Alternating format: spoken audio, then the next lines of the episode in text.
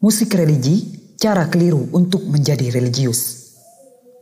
Ujian bagi teman-teman yang sudah hijrah, sudah mulai tumbuh semangat berislam, mudah bagi dia meninggalkan lagu-lagu dangdut, pop, rock, dan genre musik lain yang berbau syahwat.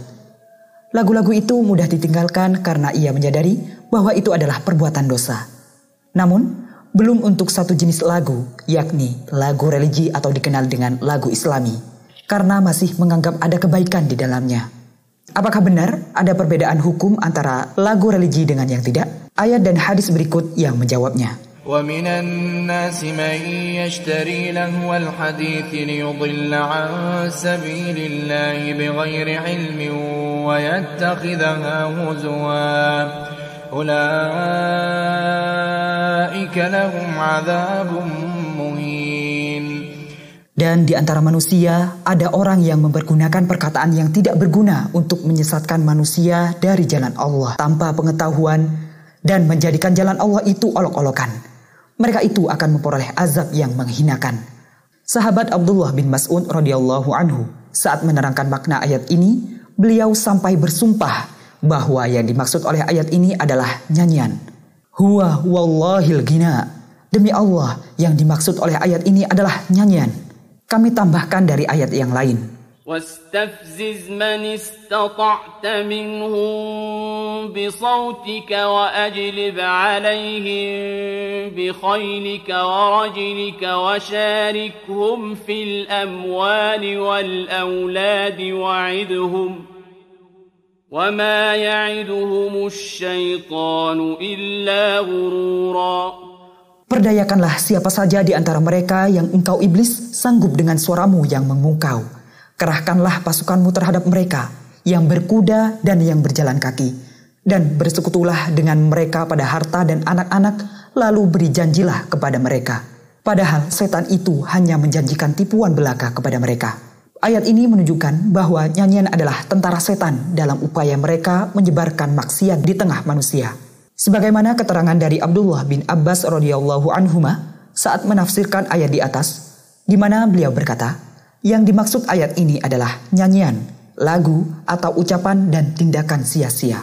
Penjelasan yang sama juga bersumber dari ahli tafsir yang lain, seperti Imam Mujahid dan Imam Ad-Duhak.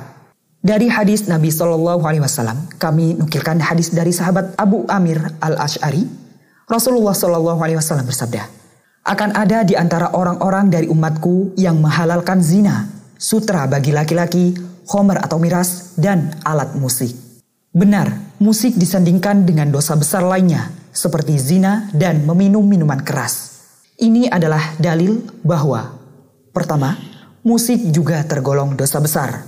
Kedua, musik hukumnya haram meskipun dinamai dengan musik religi atau islami. Karena jika musik menjadi boleh didengar, karena ada embel-embel islami atau religi, ini berkonsekuensi dosa-dosa besar yang disebutkan satu paket dengan musik dalam hadis ini pun bisa menjadi boleh. Asalkan juga dinamai dengan zina islami atau religi, atau mabuk islami atau religi. Betapa sucinya Islam dari hal-hal seperti ini. Juga dari sahabat Anas bin Malik radhiyallahu anhu, Rasulullah wasallam bersabda, Dua suara terlaknat di dunia dan akhirat yakni suara seruling di saat mendapatkan nikmat dan suara histeris di saat mendapatkan musibah. Ayat dan hadis yang kami sebutkan tadi secara tegas menerangkan bahwa musik adalah haram. Jika Al-Quran dan hadis yang berbicara, maka tidak bisa dibantah dengan perkataan apa pun dan siapa pun, sekalipun itu ucapan ulama yang sangat dihormati. Kata para ulama, ucapan ulama itu didalili, bukan menjadi dalil. Setelah kita mengetahui bahwa musik hukumnya haram, maka mendengarkannya tak akan mungkin menjadikan iman seseorang bertambah, karena maksiat adalah hama bagi iman dan kesolehan.